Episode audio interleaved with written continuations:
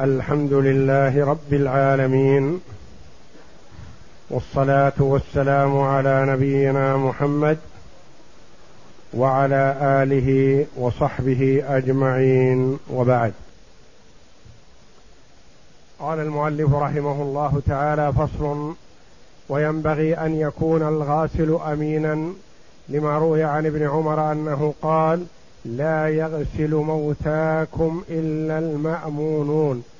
وعن ابن عمر قال قال رسول الله صلى الله عليه وسلم ليغسل موتاكم المأمونون. رواه ابن ماجه ولأن غير الأمين لا يؤمن أن لا يستوفي الغسل ويذيع ما يرى من قبيح. نحن في أحكام الجنائز. وهنا يذكر المؤلف رحمه الله تعالى صفة من يتولى الغسل التغسيل وكيفية التغسيل الميت وما يجب على من غسل ميتا. فقال رحمه الله وينبغي أن يكون الغاسل أمينا. يعني هذا هو الأفضل وهو المطلوب. وإذا لم يوجد الأمين فلا بأس أن يغسله أي مسلم. لأن التغسيل كما تقدم عبادة وقربة لله جل وعلا. ولا بد من النية. والنية لا تصح إلا من مسلم فالكافر لا نية له. بعض العلماء رحمهم الله قال لا بأس أن يتولى الفعل كافر وتكون النية من مسلم ينوب عنه هذا الكافر في التغسيل. هذا قول ضعيف. يعني يتولى الغسل كافر. ويكون هذا الكافر لا من تلقاء نفسه وإنما نائبا عن مسلم. وهذا قد يتأتى في حالات الضرورة مثلا. إذا كان الميت في بلاد الكفار ومعه شخص مسلم لا يستطيع الغسل ولا يتخلص منه فيقوم بالتغسيل كافر نيابة عن المسلم الحاضر الذي لا يستطيع. ويكون أمينا لأن من يتولى التغسيل قد يطلع. على أشياء في بدن الميت يخفيها حال حياته ويستحي من ظهورها. فإذا تولاه غير أمين ربما أذاع هذا الشيء ففضح الميت. وإذا تولاه الأمين ستره. ثم إن الميت قد يخرج منه أشياء من قيح أو صديد أو بول أو غائط بعد التغسيل فيعاد التغسيل. فالامين الثقة؟ يستر. وقد يخرج منه رائحة كريهة بسبب من الأسباب. فالأمين يستر. وغير الأمين قد يذيع أشياء يكره الميت اذاعتها وغير الأمين قد لا يستوفي الغسل لأنه غير ثقة مسلم لكن غير ثقة. ولذا استحب أن يتولى الغسل تغسيل الميت أمين. كما في هذا الحديث الذي رواه ابن ماجه وإن كان بسنده ضعيف ليغسل موتاكم المأمونون. وعليه ستر ما يرى من قبيح سواء كان في البدن أو شيء يخرج من البدن رائحة ونحو ذلك.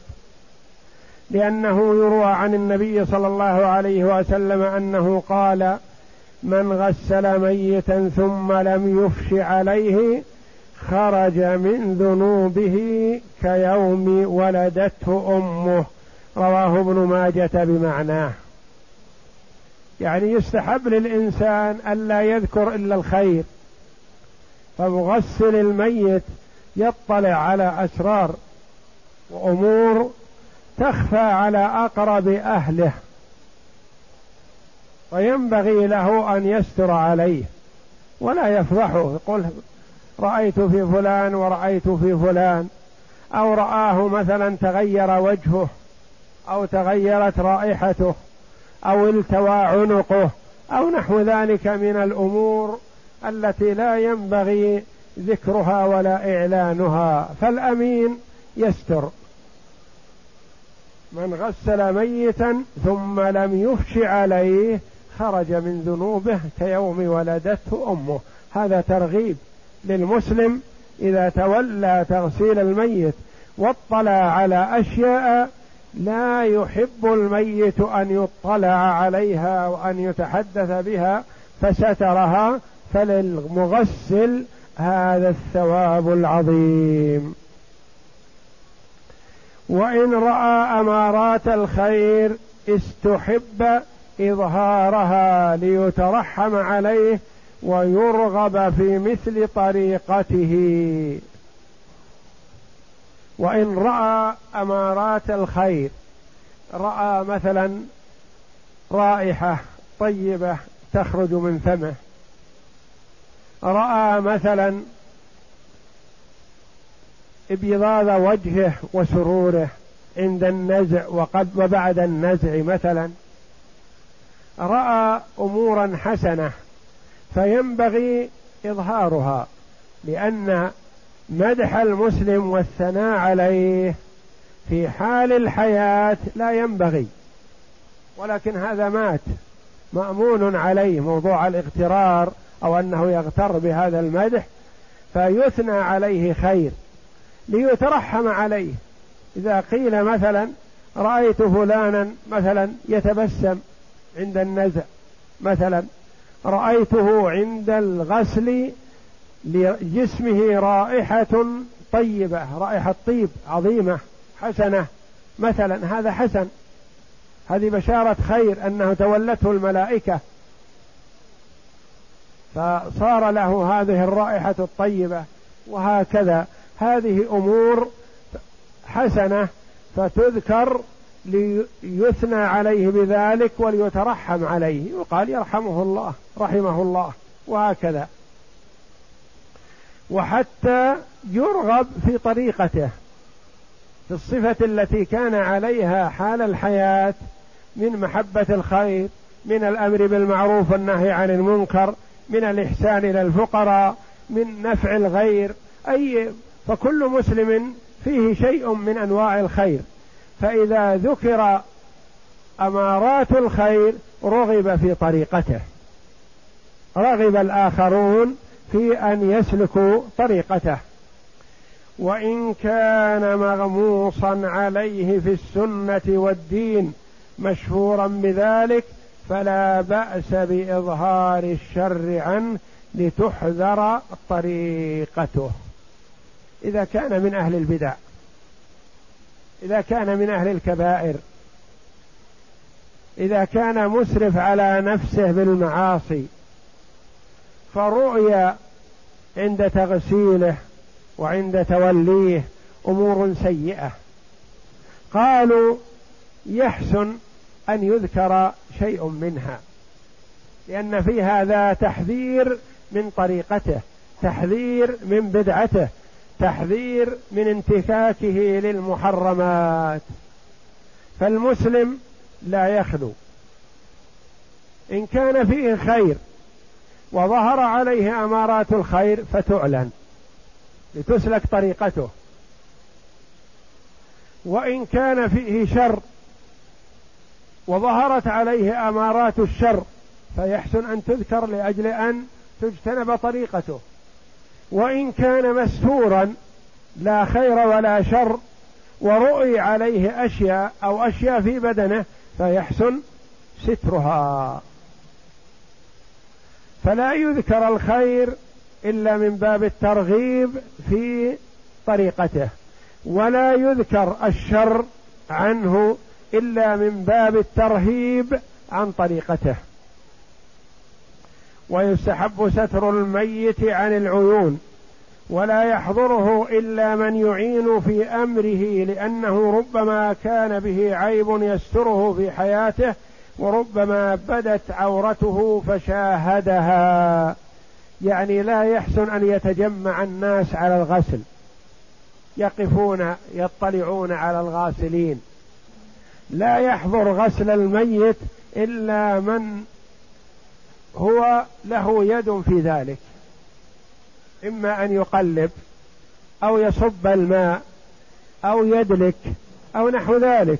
يعني يعين من وقوفه وحضوره له أثر. أو يرشد الغاسلين. أما أن يقف على سبيل التفرج أو يقول أقف علشان أتعظ أو لأجل أستعد. نقول لا ليس هذا هو مجاله. الاستعداد مطلوب. وكما قال عليه الصلاة والسلام كنت نهيتكم عن زيارة القبور ألا فزوروها فإنها تذكركم الآخرة. فالشيء الذي يعظ الإنسان حسن لكن على سبيل إظهار شيء من حال مسلم مستور ما ينبغي هذا. فإذا حضر من لا يعين يقال له اخرج ولا يجلس مع الغاسلين ولا يقف معهم إلا من له مجهود في هذا. قال فصل ويجرد الميت عند تغسيله ويستر ما بين سرته وركبته. روى ذلك الأثرم عنه إذا قال عنه فالمراد عن الإمام أحمد رحمه الله. واختاره الخرقي وأبو الخطاب لأن ذلك أمكن في تغسيله وأبلغ في تطهيره وأشبه بغسل الحي وأصون له عن أن يتنجس بالثوب إذا خلع عنه. ولأن أصحاب النبي صلى الله عليه وسلم كانوا يفعلون ذلك بدليل أنهم قالوا لا ندري أنجرد النبي صلى الله عليه وسلم يعني عند تغسيله. أنجرد النبي صلى الله عليه وسلم كما نجرد موتانا رواه أبو داود.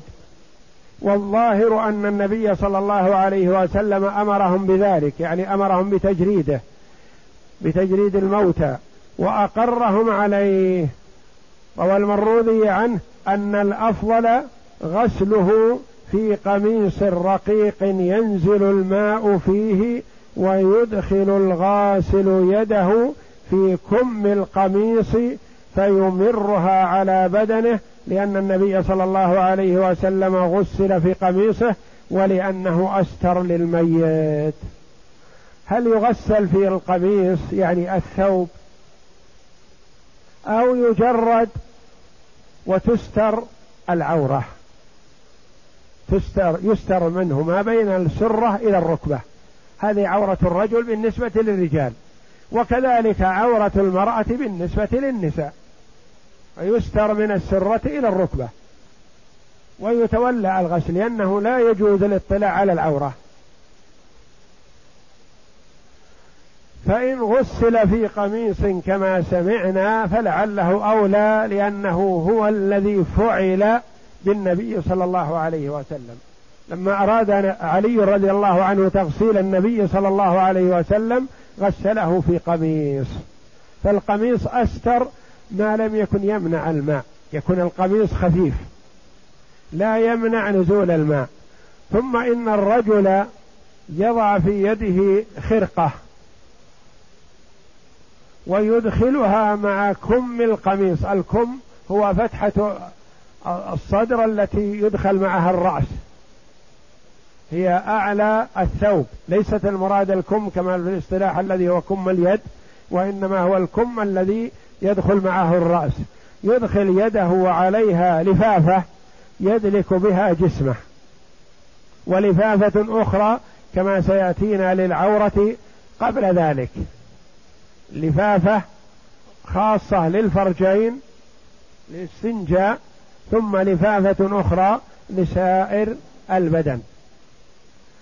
وتجريده لعله أولى لأن القميص إذا غسل به ربما أصابه نجاسة وربما لم تستكمل غسل النجاسة التي في القميص فعند خلع القميص تتعدى النجاسة أو ربما يتعب الميت خلع القميص لأن الثوب الذي غسل به سيخلع لأنه يكون رطب ولا يحسن بقاؤه.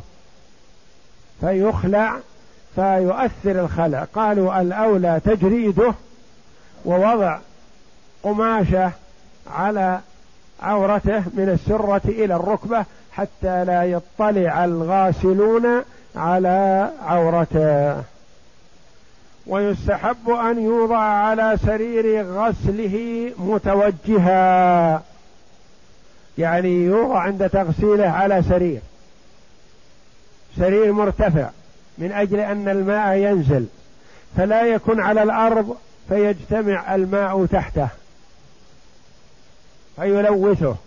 وإنما يكون على سرير حتى ينزل الماء وتنزل الفضلات التي تخرج من السبيلين أو من الفم أو من أثر الجرح إن كان فيه جرح أو من أثر العملية إن كان فيه عملية جراحية ونحو ذلك.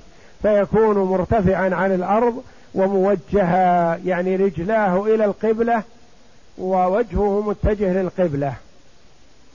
هذا هو الأفضل. منحدرا نحو رجليه.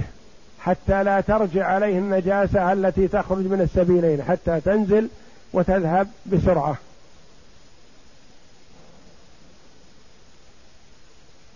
ليصب ماء الغسل عنه ولا يستنقع تحته فيفسده لأنه إذا تراكم الماء وأبطأ الميت في وسط الماء ربما أثر على بشرته.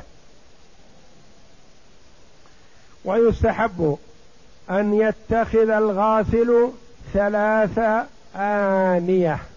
هذا إذا كان التغسيل في أواني كما هو الحال سابقا. وأما اليوم والحمد لله مع توفر المياه وتوفر الأسباب واتخاذ الوسائل الكافية في حفظ الماء ونقاوته كالماء يأتي من أنبوب أو لي أو نحو ذلك هذا لا يلزم له اتخاذ أواني لكن إذا كان الماء ينقل من أواني فيحسن أن يكون مع الغاسل ثلاث أواني. إناء كبير بعيد عنه. وإناء متوسط قريب من الغاسل. وإناء صغير يغرف من الإناء المتوسط ويصب على الميت. حتى لو تأثر الماء الأوسط هذا إذا بالماء النقي طاهر وبعيد عن التلوث. ويستحب أن يتخذ الغاسل ثلاثة آنية إناء كبير فيه ماء بعيد عن الميت حتى لا يصيب أثر النجاسة. وإناء وسطا وإناء يغترف به من الوسط ويصب على الميت. فإن فسد الماء الذي في الوسط كان الآخر سليما ويكون بقربه مجمرة مجمر فيه بخور لتخفى رائحة ما يخرج منه يعني يحسن أن يكون الغاسل عنده بخور. هذا البخور يكون يطيب المكان ويروح الرائحة الكريهة لأنه قد يخرج من الميت عند عصر بطنه مثلا يخرج منه ريح أو قد يخرج منه غائط أو يخرج منه بول له رائحة كريهة بسبب الاحتقان فترة طويلة مثلا. فيحسن أن يوجد في المكان رائحة طيب حتى تذهب أثر الرائحة التي تخرج من الميت عند غسله. فصل. والفرض فيه ثلاثة أشياء. فروض تغسيل الميت ثلاثة. والرابع مختلف فيه. والباقي من الآتي سنن. الفروض ما هي؟ أولا النية. لابد من النية. لو أن ميت كما تقدم وضع تحت ميزاب. ثم جاء هذا الماء من الميزاب غير مقترن بشخص فغسله تغسيلا كاملا. هل يصح الغسل هذا؟ لا لأنه لم يقترن بنية. وتقدم لنا الفرق بين أفعال التروك وأفعال العبادة. أفعال العبادة يشترط لها نية. أفعال التروك لا يشترط لها نية. أفعال التروك مثل غسل النجاسات. ومثلنا مثلا لو كان هناك أرض عرفنا أنه أصابها نجاسة وتركناها فترة وجاء المطر في حال غيبتنا عنها وغسل النجاسة. ثم جئنا بعد ذلك هل يصح أن نصلي فيها؟ نعم لأن المطر غسل النجاسة. ما حضر عند إزالة النجاسة هنا أحد ولا نوى. يقول ما يحتاج إلى نية. هذا من باب التروك. لكن تغسيل الميت عبادة. ومن باب التعبد. والتعبد لا بد له من نية. لا بد له من نية. فإذا وجدت النية صح الغسل. وإذا لم توجد فلا يصح. لو غسل بعد موته غسله شخص كافر مثلا. تغسيل كامل ونظيف وبماء طاهر مثلا. هل يصح هذا؟ لا. لأن هذا الكافر لا تصح نيته. فلا بد من أن يغسله صاحب نية. وتقدم لنا أنه إذا ونوى المسلم وتقدم الكافر في التغسيل باشر التغسيل أنه يصح هذا على رأي بعض العلماء. والفرض فيه ثلاثة أشياء النية لأنها طهارة تعبدية أشبهت غسل الجنابة. غسل الجنابة ألا يشترط له نية؟ لو أن شخصا مثلا صار عليه جنابة أو امرأة طهرت من حيضها أو طهرت من نفاسها ثم اغتسل الجنب أو الحائض الذي ارتفع حيضها أو النفساء الذي ارتفع نفاسها اغتسلوا للتبرد. نسيوا الجنابة والحدث الذي عليهم. فلما اغتسلوا وانتهوا تذكر الرجل أن عليه جنابة. قال الحمد لله تكون عن الجنابة هذه هذا الاغتسال. هل يصح؟ لا لا يصح. لأنه ما نوى رفع الحدث وإنما نوى التبرد. وكذلك من انقطع حيضها أو انقطع نفاسها لو اغتسلت على سبيل التبرد ثم بعد اغتسالها رأت أنه ما خرج منها شيء من دم حيض ولا دم نفاس. قالت إذن أعتبر هذا الاغتسال عن الحيض أو عن النفاس هل يصح؟ لا. لا بد أن تنوي الاغتسال عن الحيض أو عن النفاس أو الرجل ينوي عن الجنابة أو المرأة تنوي عن الجنابة. أشبهت غسل الجنابة وتعميم البدن بالغسل. هذا الفرض الثاني. الفرض الثاني ما هو؟ أن يكون الغسل من أطراف أصابع القدمين إلى أعلى الرأس يعم البدن كله ولا يترك منه شيء. لأنه غسل فوجب فيه ذلك كغسل الجنابة. وتطهيره من النجاسة من شروط الغسل وصحته وفروضه أن يطهره من النجاسة. لو غسله تغسيل كامل مثلا ولكن فيه نجاسة ما زالت باقية. هل يصح؟ ما يصح إلا بإزالة النجاسة.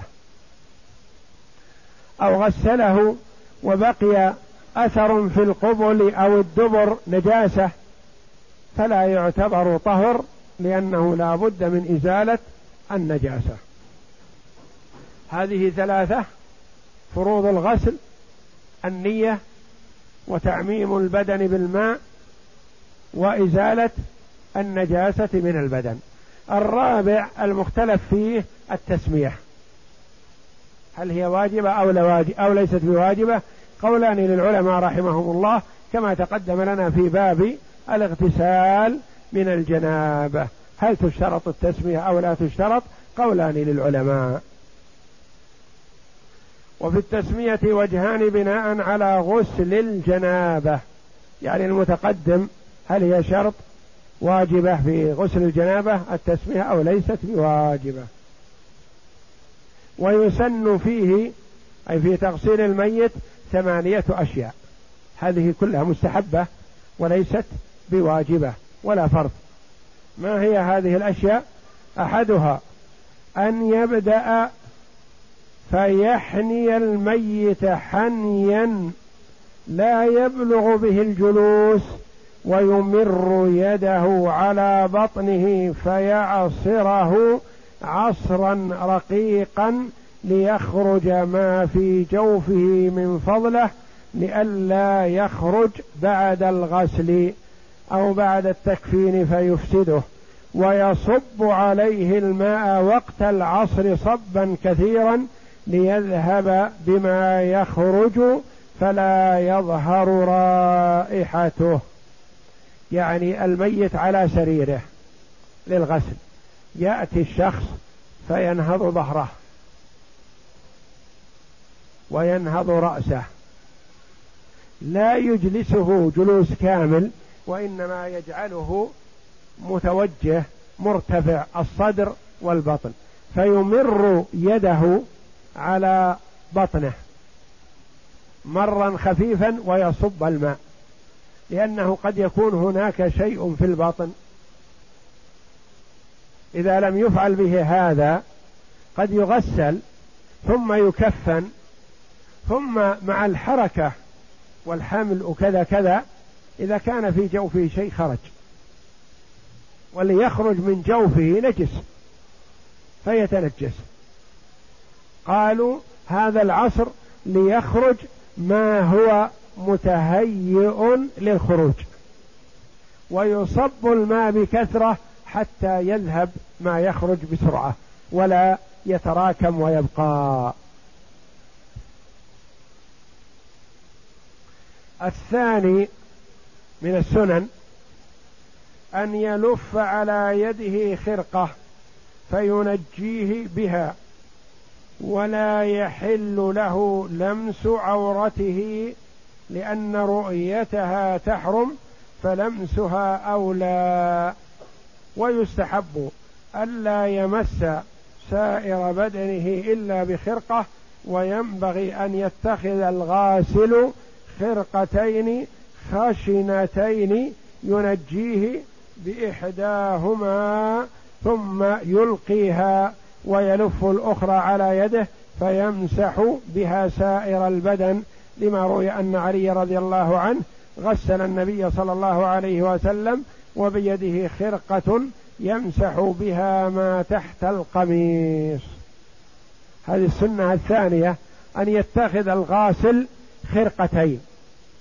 الخرقة الأولى يدخلها في يده ويدخلها من تحت القميص لينجيه. يعني استنجاء يصب الماء على عورته ويحركها بيده التي فيها الخرقة حتى من أجل أن يكون الشيء المتراكم أو الباقي بمكان الخارج القبل أو الدبر يزول بهذا الاستنجاء. كأنه حي ينجي نفسه فهذا ميت فينجيه الآخر لكن لا يجوز له أن يباشر عورته. لأنه يحرم على المسلم أن ينظر على إلى عورة مسلم إلا لضرورة. فإذا حرم النظر حرم اللمس من باب أولى. يغسل عورته القبل والدبر. ثم هذه الخرقة من أثر غسل القبل والدبر تكون غير مقبولة. وإن غسلها فلا ينبغي بل يرميها. ويتخذ خرقة أخرى يمسح بها سائر جسده. لأن الإنسان في حال الحياة مثلا إذا استنجى بخرقة وغسلها يتقزز أن يمسح بها صدره أو إبطيه أو بطنه أو ظهره أو رأسه. ما يمسح بالشيء الذي بعد غسل به القبل أو الدبر. هذه ترمى ويتخذ خرقة أخرى يغسل بها يلفها على يده ثم يدخل يده من فتحة القميص ويغسل إبطيه وإن كان مكشوفا فلا بأس. كما تقدم لأن المسور هو حد العورة من السرة إلى الركبة فيدلك ما تحت الإبط ومصافط البطن وأسفل الظهر ونحو ذلك من الأشياء. الثالث من السنن أن يبدأ بعد إنجائه فيوضئه لما روت أم عطية أنها قالت لما غسلنا بنت رسول الله صلى الله عليه وسلم قال ابدأنا بميامنها ومواضع الوضوء منها متفق عليه. أم عطية هذه الأنصارية رضي الله عنها وأرضاها كانت من فقيهات الصحابة رضي الله عنهن وكانت تفتي الصحابة الصحابيات فيما يشكل عليهن في أمر الحيض والنفاس وكان عندها بصيرة وهي كانت تغسل الميتات. فتقول إن النبي صلى الله عليه وسلم قال لنا عند غسل ابنته ابدأنا بميامنها ومواضع الوضوء منها. ما هذه البنت؟ هذه أم عطية رضي الله عنها تغسل الميتات. ففي صحيح مسلم رحمه الله أن هذه البنت زينب رضي الله عنها. وفي السنن أن هذه البنت هي أم كلثوم رضي الله عنها. ولا منافاة لأن أم عطية هذه قد تكون غسلت زينب وغسلت أم كلثوم لأنهن كلهن ماتت بالمدينة قبل النبي صلى الله عليه وسلم. فيجوز أنها قال لها هذا في حال تغسيل زينب وفي حال تغسيل أم كلثوم رضي الله عنهما. قال ابدأنا بميامنها ومواضع الوضوء منها. يعني الأفضل عند تغسيل الميت أولا مثل تغسيل أو اغتسال الحي سواء بسواء. أول شيء الأفضل الاستنجاء. تغسيل أثر العورة السبيلين. ثم الوضوء. والوضوء يبدأ بالميامن. ثم المياسر. ثم يغسل الجانب الأيمن ثم الجانب الأيسر. ابدأنا بميامنها ومواضع الوضوء منها. فأولا الاستنجاء ثم مواضع الوضوء ثم اليمين عموما ثم الشمال عموما كاغتسال الحي. ولا يدخل الماء ولا يدخل فاه ولا أنفه ماء. نعم. لأن الحي يتمضمض ويمجه ويستنشق وينثره. الميت إذا أدخل الماء في فيه ما يطلع. فينزل للجوف فينزل مع السبيلين. لأنه يعني ما في استمساك. إذا أدخل الماء في الخياشيم دخل دخل للبطن داخل لأن الخياشيم منفذ. فخرج مع السبيلين. فلا يفعل هذا بالميت. وإنما الميت يدخل يجعل على أصبعه مثلا خرقة ويدخلها مع شفتيه بين شفتيه ويدلك بها أسنانه. وكذلك يمسح أنفه ولا يدخل فيه ماء. يدخل أصبعه الصغيره مثلا إذا كان ممكن هذا وينظف ما يستطيع تنظيفه بدون أن يدخل ماء. لأن الماء إذا دخل ما خرج إلا مع السبيلين. ولا يدخل فاه ولا أنفه ماء لأنه لا يمكنه إخراجه. فربما دخل بطنه ثم خرج فأفسد وضوءا. قد وجد وقد اطلعت في بعض الوسائل الحديثة مثلا أنه مثلا يدخل شيء من الماء قليلا في فمه ويشفطه بسرعة. إذا أمكن هذا فلا بأس لأن هذا من باب التنظيف والتنظيف مطلوب والطهارة ممكنة. فوجد في المغاسل الحديثة أشياء تدخل الماء وأشياء تشفطه بسرعة. يعني تنظف فيه وتشفطه مثل استعمال الحي المضمضة والاستنشاق والنثر بعد ذلك. فإذا أمن نزوله إلى الجوف فلا بأس باستعماله لأن المطلوب النظافة.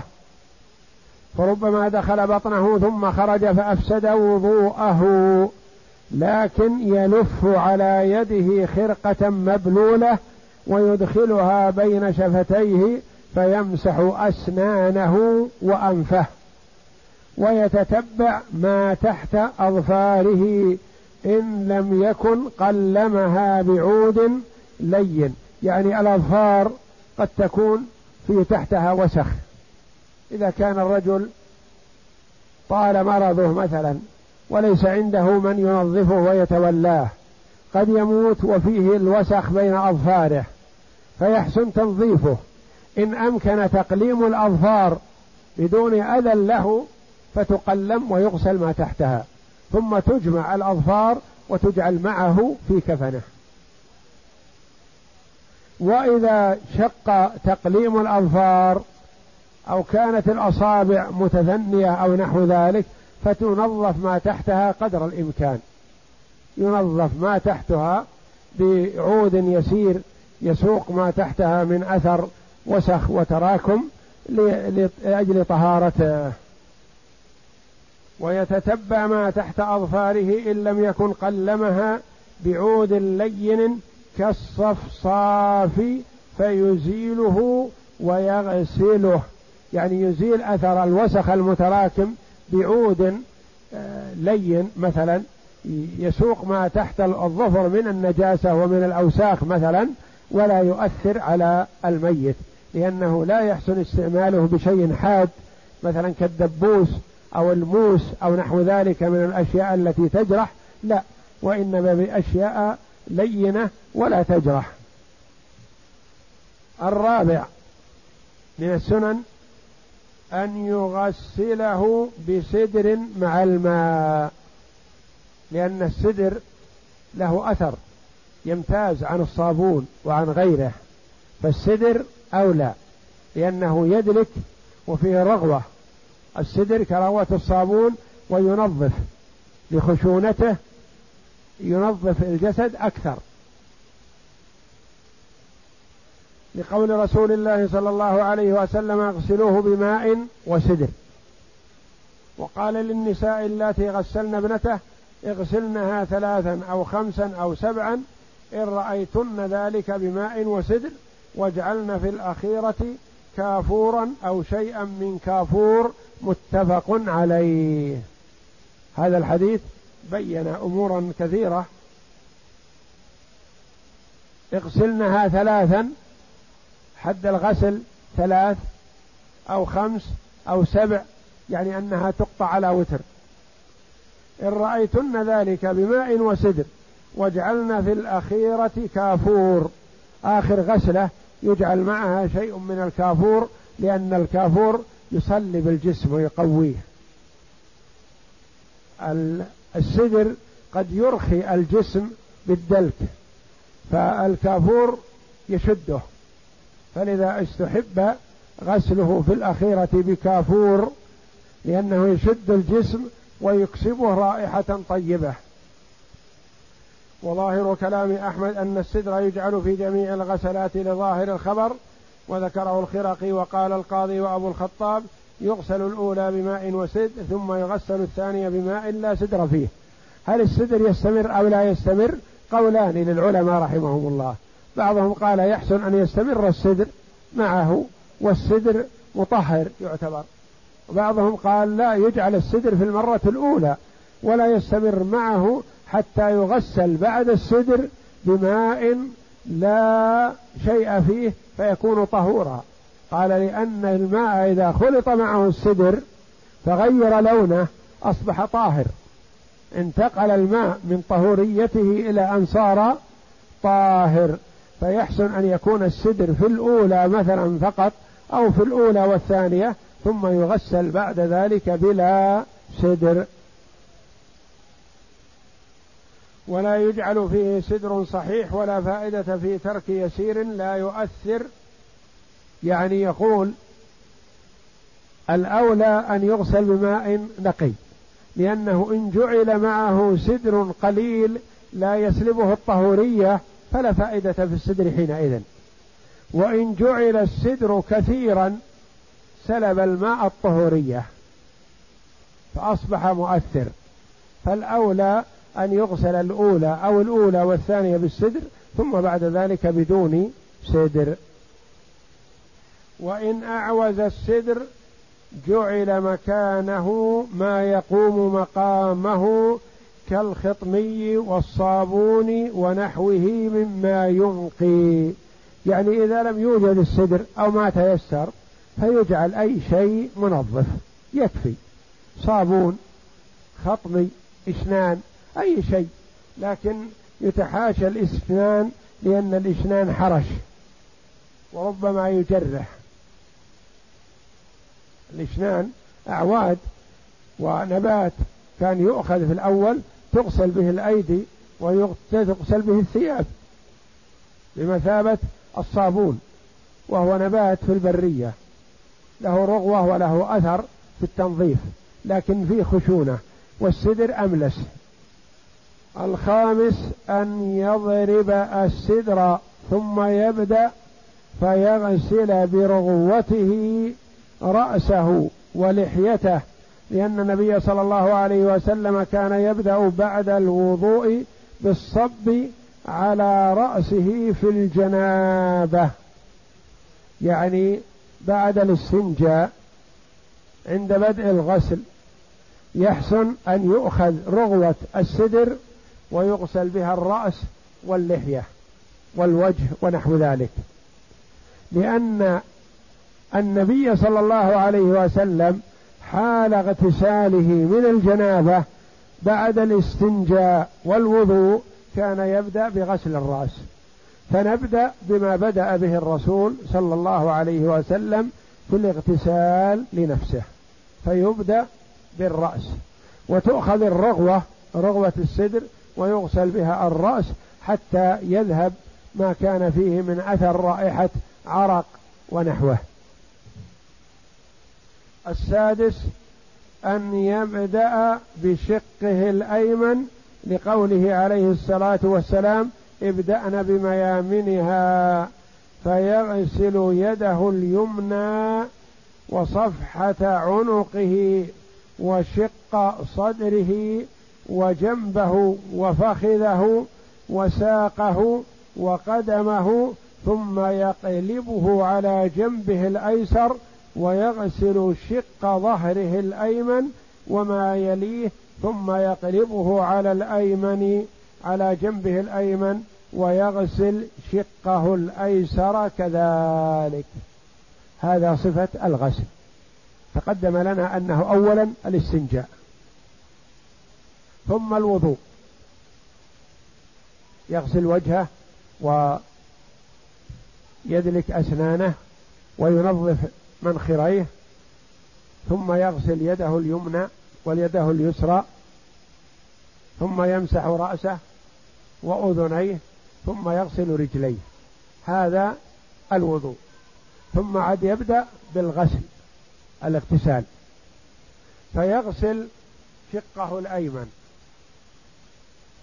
صفحة عنقه وصدره وفخذه حتى يصل إلى رجله. أنهى الشق الأيمن الأعلى. لا ينتقل للأيسر الأعلى لا. يجعله على الجنب الأيسر حتى يغسل ظهره ورقبته وفخذه مما يلي ظهره حتى يصل إلى رجله. فبهذا يكون غسل كامل الجانب الأيمن ثم يرده مستلقيا فيغسل جانبه الأيسر الذي يلي بطنه ثم يقلبه على جانبه الأيمن ليغسل الجانب الأيسر الذي يلي ظهره. هذا هو الأفضل يعني كما تقدم أن هذا من السنن صفة الغسل الأفضل. وإلا لو صب الماء عليه دفعة واحدة أكفى والحمد كفى والحمد لله. السابع من السنن أن يغسله وترا للخبر. يعني الخبر الحديث. اغسلنها ثلاثا أو خمسا أو سبعا. فالمجزي واحدة والحمد لله. والأفضل أن يقطعه على وتر. إن كفت الثلاث فلا يغسل زائد عليها. وإن رأى أنها غير منقية غسله خمس ما يقتصر على أربع. وإن لم تنقي الخمس لا يقتصر على ست بل يغسل سبع. ويقف على هذا. إذا غسل جميع بدنه سبع مرات يكفيه. قد يقول قائل غسل بدنه سبع مرات ثم نشفه وأراد تكفينه ثم خرج منه من أحد السبيلين أو من جرح كان فيه نجاسة. يعيد التغسيل من أوله. أم ماذا يصنع؟ لا. لا يعيد التغسيل. وإنما يعيد الوضوء فقط. يعيد الوضوء فقط والغسل كفى. لأن هذه هذا الخارج من السبيلين ما نقض الغسل وإنما نقض الوضوء فقط. مثل ذلك المتطهر مثلا من الجنابة والمغتسل ليوم الجمعة مثلا. اغتسل وتنظف. نظافة كاملة اغتسال كامل من رأسه إلى قدميه. ثم خرج منه بول أو غائط. يعيد الاغتسال. لا الاغتسال خلاص حصل. يعيد يستنجي ويعيد الوضوء. وقد اغتسل عن الجنابة واغتسل للجمعة. واضح؟ يعني لا يعيد الاغتسال لو خرج منه نجاسة. لا الاغتسال لا يزيد فيه على السبع لأن الزيادة على السبع تخرج عن السنة. والنبي صلى الله عليه وسلم جعل السبع هي الحد الأعلى. فإذا غسل الميت سبع مرات ثم خرج منه شيء يعاد الوضوء فقط ولا يعاد الاغتسال. السابع أن يغسله وترا للخبر للحديث. فيغسله ثلاثا فإن لم تنقي فإن لم ينقى بالثلاث زاد إلى خمس أو إلى سبع لا يزيد عليها لأنه آخر ما انتهى إليه أمر النبي صلى الله عليه وسلم. ويمر في كل مرة يده ولا يوضئه إلا في المرة الأولى. يعني لا يوضئه في كل مرة من الغسلات السبع لا الوضوء في المرة الأولى فقط. إلا أن يخرج منه شيء فيعيد وضوءه. نعم. إن خرج منه شيء كما تقدم لو بعدما نشفه وانتهى أو قبل ذلك خرج منه شيء فعليه أن يعيد الوضوء ولا يعيد الاغتسال. لأنه بمنزلة الحدث من المغتسل في الجنابة. ولو غسله ثلاثا ثم خرج منه شيء غسله إلى خمس. فإن خرج بعد ذلك غسله إلى سبع. يعني يستحب إذا خرج منه شيء بعد الثلاث أن يغسله إلى خمس. خرج منه شيء بعد الخمس يغسله إلى السبع. خرج منه شيء بعد السبع لا يغسل. وإنما يوضئه فقط يستنجي ويتوضأ.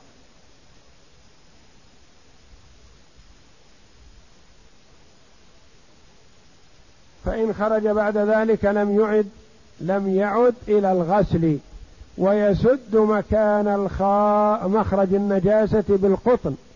فإن لم يستمسك فبالطين الحر.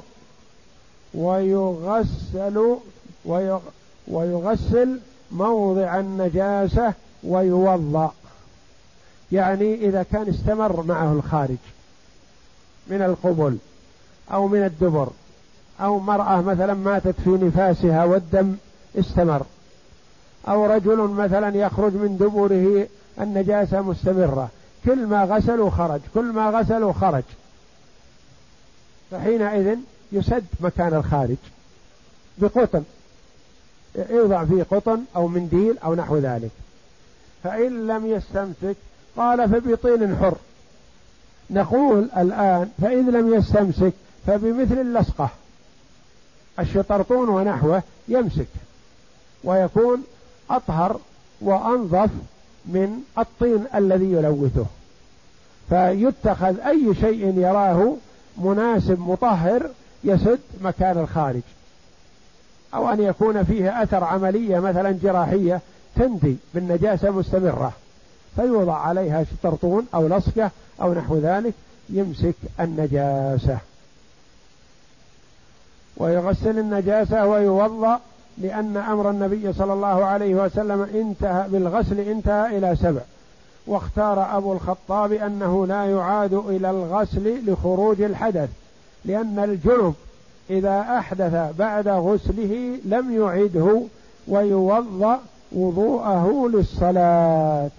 يعني كالجنب كما تقدم أن الجنب إذا اغتسل اغتسالا كامل ثم أحدث خرج منه بول أو غائط فإن عليه أن يتوضأ واغتساله الأول يكفي.